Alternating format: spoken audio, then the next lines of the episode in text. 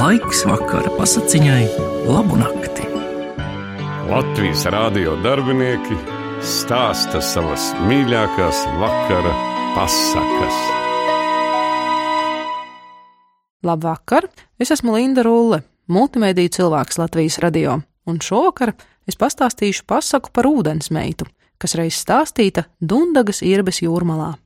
Sen senos laikos, kad mums vēl nebija plekšu vadu, bet plekstes ķērām ar parastiem tīkliem, kad pa mūsu jūru vēl nebraukāja ugunskuģi, zivis baidīdami un trenkādami, kad uz kolkas raga vēl nebija ugunsbākas, un kad vēl katrs zvejas vīrs ziedoja jūras mātei savus ziedus, tad arī jūras mātei bija mūsu jūrā sava pils.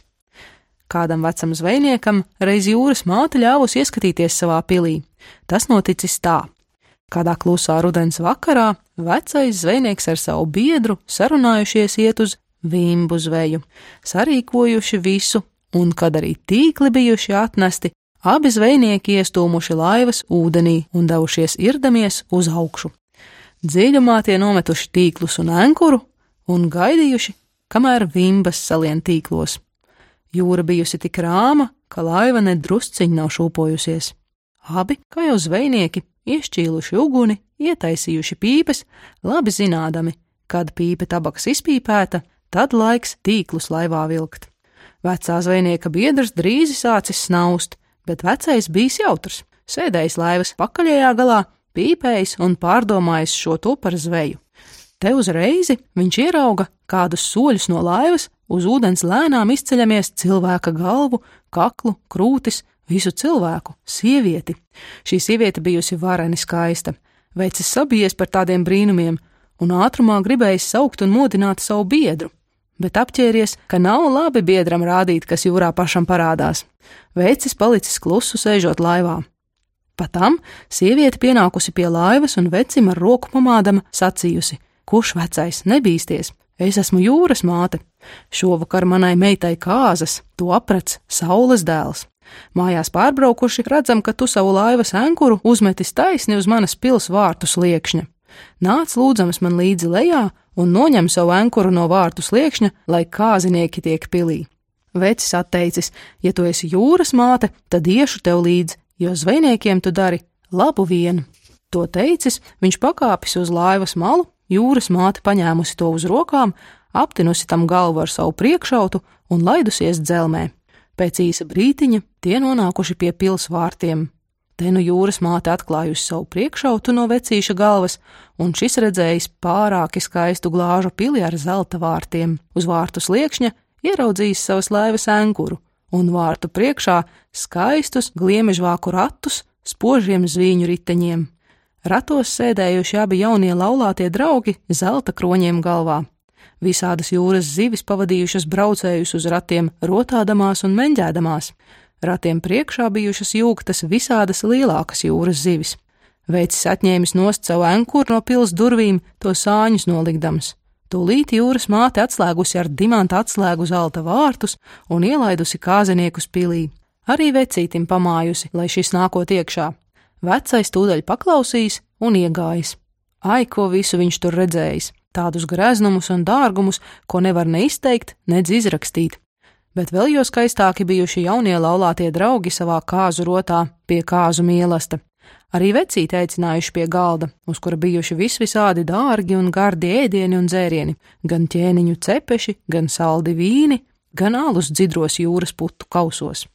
Pēc mīlesta līgava apveltējusi kāzeniekus, vienam šādu, otram tādu dārgu greznumu dāvinādama pienākusi arī pie vecā zvejnieka un pasniegusi tam smalku, baltu dvieli sarkaniem dzīpariem izrakstītiem galiem un teikusi: Vecīti, tu vienmēr esi nesis jūras mātei manai māmiņai pateicības ziedus, un šī vakarā paklausījis, savu ankuru no pils sliekšņa noceldams, par to ņem šo dvieli, kas tālās tālās zemēs darināts no smalkākā buru audekla. Ja šo dvieli pieglabāsi, tad tev ar vienu būs zvejā laime līdz tavai pēdējai dienai. Vecis noskūpstījis brūtai roku par šādu dāvanu un taisījies iet uz durvju pusi. Te pienākusi arī pati jūras māte, pavadījusi viņu līdz pils vārtiem, apklājusi galvu ar priekšautu un uznesusi augšā laivā. Šķiroties vēl viņa sacījusi: Mīļais dēls, pasaki arī citiem zvejniekiem, ko tu šovakar pieredzējis. Teic tiem arī, ka mēs nodomājuši savu pili pārcelt uz citurieni, jo šī jūrā sāk braukāt ļaudis, kas tērpušies dzelža bruņās un runā svešu valodu. Tādēļ tad šī jūrā būs daudz augu un vētru. Gan ceru, ka pēc ilgiem laikiem viss atkal pāries, un tad pārcelšu savu pili uz šejieni un likšu vēja mātei viegli vizināt un līgot šās zemes bērnus un viņu kuģus pa savas baltās jūras viļņiem. To teikusi jūras māte pamāja sveicinādama ar roku un lēni, lēni nolaidās dzelmē. Zvejnieks vēl labu laiku nolūkojās tanī vietā, kur jūras māte nozuda. Viņš jutās itin kā būtu sapņojis, tikai gar kaklu apsietais velšu dvielis tam atgādināja, ka viss patiesībā tā arī noticis. Viņš noglabāja dvieli laivā un uzsauca savam biedram kādus vārdus. Tas arī tuliņi sarāvās un laida no savas pīpes kuplu dūmu, jo pīpe pa īso snaužamo brīdi vēl nebija spējusi izdzist. Tūliņ abi zvejnieki sāka savu jadu, jeb tīklu rindu, ārā vilkt, un ai tavu prieku, nekad vēl nebija neviens tāda loma vilcis kā šie zvejnieki. Tīkli bija tik pilni vimbu, ka tikai ko spēja laivā salikt. Malā izbraukuši, laivu izvilkuši un zivis no tīklu caurumiem izvalkot, vecis stāstīja savam biedram par dīvainu notikumu. Šis gan to negribēja ticēt, bet dvielis bija liecinieks. Tāpat noticis arī ar citiem zvejniekiem. Tikko šie abi tikuši galā ar savu darbu, te jau arī jūra sākusi viļņot un plosīties. Sacēlusies drīz vētra, kas jūras ūdeni šķaidīt šķaidījusi uz malu lielas bangas veldama. Vecais zvejnieks godbijīgi noņēmis cepuri, paklanījies, it kā sveicinādams jūru, un sacījis uz savu biedru: Vai dzirdi, kā tagad viņa aizbrauc, bet nešaubos, reiz tā atkal pārnāks. Vecais nodzīvojis vēl garu mūža gabalu un bijis allaž laimīgs zvejā.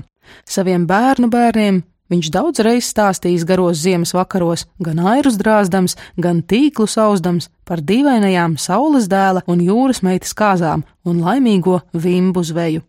Velšu vīli tas glabājis par dārgu atmiņu līdz nāves stundiņai. Vecajam zvejniekam mirstot, dvielis pazudis.